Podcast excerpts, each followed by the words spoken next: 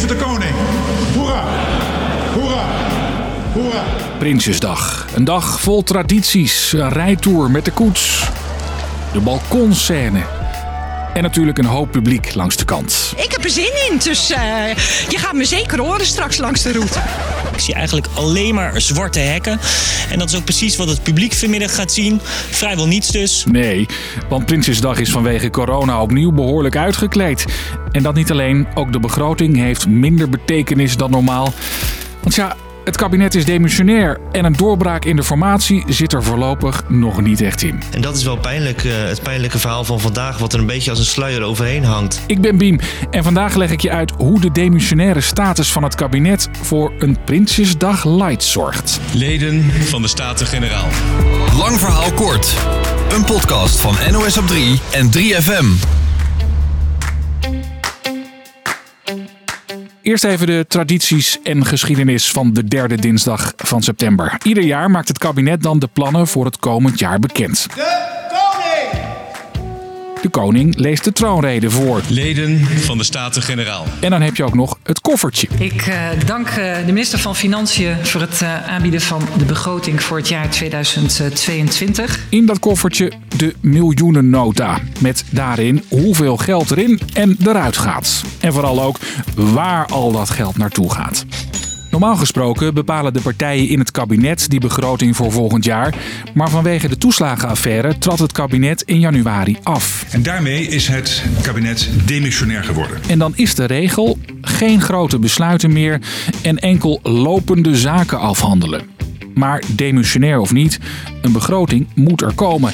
Dat is volgens politiek verslaggever Ewout Kivi nou eenmaal zo geregeld in ons land. Het is al vaker gebeurd dat er uh, nog geen nieuw kabinet was, bijvoorbeeld in 2017. Maar toen was het wel iets makkelijker, want het nieuwe kabinet was in de maak. En dat zou niet lang meer duren, dus kon er al over grote thema's worden beslist. Maar nu is nog helemaal geen begin gemaakt van die formatie. En dat een half jaar na dat andere feest van de democratie, de verkiezingen. Uh, dat is wel uniek. Hoe moet het dan met de begroting voor 2022? Ewout, weet jij het? Ja, dat, uh, elk jaar moet er een begroting gemaakt worden, dus die moesten ze maken. Maar de afspraak is eigenlijk wel dat uh, zo'n demissionair kabinet geen echte nieuwe plannen maakt. Die grote plannen schuiven ze vooruit tot er een nieuw kabinet is. Maar er worden al wel wat miljarden uitgetrokken. Politiek verslaggevers Ewout Kiviet en Ardi Stemerding die vatten kort samen waarvoor. Bijvoorbeeld voor uh, het klimaat. 8 miljard is dat. En ook voor veiligheid. Dat is een beetje een gevolg van de moord op uh, Peter R. de Vries. En een ander groot thema, wonen, krijgt er ook een miljard bij. Hoewel er dus al wel wat bedragen worden genoemd voor veel besproken thema's, worden er nog geen grote definitieve keuzes gemaakt. De begroting die de regering vandaag aan u voorlegt, staat in het teken van uitvoering van lopend beleid. Grote hervormingen, bijvoorbeeld van de woningmarkt, de arbeidsmarkt of bijvoorbeeld een oplossing voor het stikstofprobleem, dat zit er dit jaar uh, nog niet in. Er is al wel duidelijk dat ze er in de begroting iets mee moeten.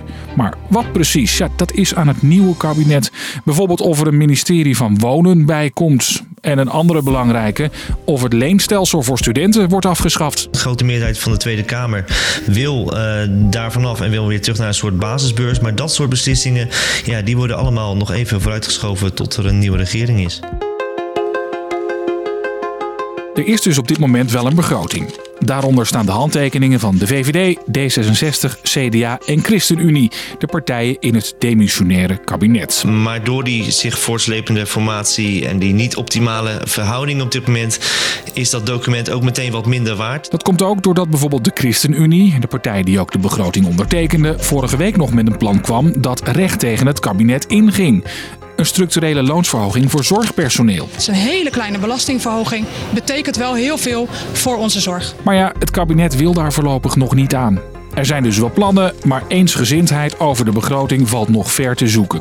En dat terwijl de Tweede Kamer de komende dagen nog flink moet debatteren tijdens de algemene beschouwingen. Dan mogen de partijen schieten op de begrotingsplannen van het demissionair kabinet. Dat kabinet is demissionair, maar de Kamer is missionair. En dat biedt mogelijkheden, vertelt politiek verslaggever Joost Vullings. Dus de Kamer heeft de kans om, hebben ze altijd, maar misschien nu wel extra, om, om die begroting beet te pakken en hem door elkaar te schudden en daar dingen aan, aan toe te voegen. Maar voorlopig is het voor de aanpak van grote problemen dus nog wachten, wachten en nog eens wachten.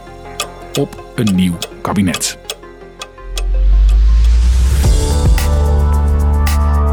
Dus, lang verhaal kort. Ook al trad het kabinet in januari af en is het demissionair, komt toch een nieuwe begroting. Het is een beetje een light versie, want alle grote plannen worden vooruitgeschoven. De komende dagen heeft de Tweede Kamer kans om er het een en ander aan aan te passen.